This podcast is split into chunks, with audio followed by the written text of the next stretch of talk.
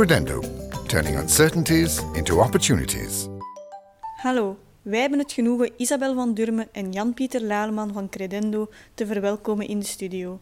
Zij zullen het hebben over de impact van COVID-19 op de landenrisico's, wat dit betekent voor de Belgische bedrijven en hoe Credendo hen kan helpen. Jan-Pieter, kan je de huidige situatie schetsen?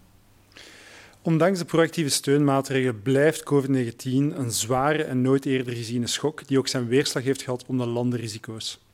Credendo heeft dan ook in alle regio's ter wereld het commercieel risico moeten downgraden voor heel wat landen.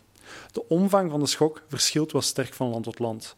Het zijn vooral de landen die het zwaarst getroffen zijn door het virus, zoals de eurozone, Latijns-Amerika, en de landen die afhankelijk zijn van toerisme, zoals de Maldiven en de Caraïben, en de olie-exporteurs, zoals Nigeria, die de, crisis het sterkste voelen. Ook de econo economische fundamenten van een land zorgen natuurlijk mee voor die verschillen. Landen met kwetsbare economische fundamenten, zoals hoge schulden en beperkte internationale reserves, die hebben natuurlijk minder manoeuvreerruimte om hun economie te ondersteunen.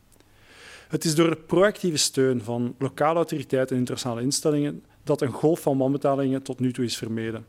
De bestaande financiële kwetsbaarheden die zijn wel nog echter verder toegenomen door een stijging van de private en publieke schuld. Het risico is dus dat de COVID-19-crisis in de toekomst voor een aantal landen een solvabiliteitscrisis wordt. Isabel, wat is de impact hiervan op de bedrijven? Het is duidelijk dat het coronavirus een enorme impact heeft op onze klanten. Bedrijven moesten tijdelijk hun activiteiten stopzetten. Ze zagen een vermindering in de vraag naar hun producten en ze ondervonden ook problemen met bevoorrading. Bovendien moesten de bedrijven grote inspanningen leveren om hun personeel te beschermen. En daarnaast merkten ze ook een impact op hun prospectie. Want door de maatregelen die de overheden overal ter wereld moesten nemen, konden ze niet meer ter plaatse gaan om nieuwe markten te ontdekken en contracten te onderhandelen. En tot slot is uiteraard ook het risico op niet-betaling van hun facturen fors toegenomen. Dit niet-betalingsrisico. Hoe kan Credendo helpen dit te beperken?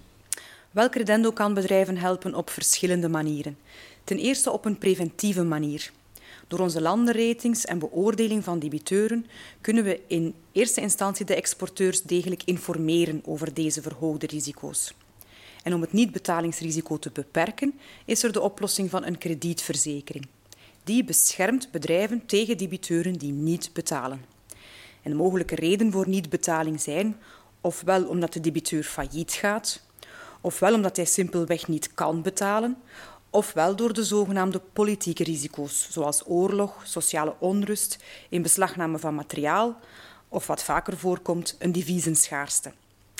En indien dit gebeurt en het bedrijf is verzekerd, dan wordt het bedrijf vergoed tegen het niet-betalingsrisico. Wij ondersteunen bedrijven dus ook indien er zich een effectieve claim voordoet. Met al deze informatie en een kredietverzekering op maat kunnen bedrijven zich dus veilig aan de export wagen en op een duurzame manier verder bouwen aan hun groei. Credendo, turning uncertainties into opportunities.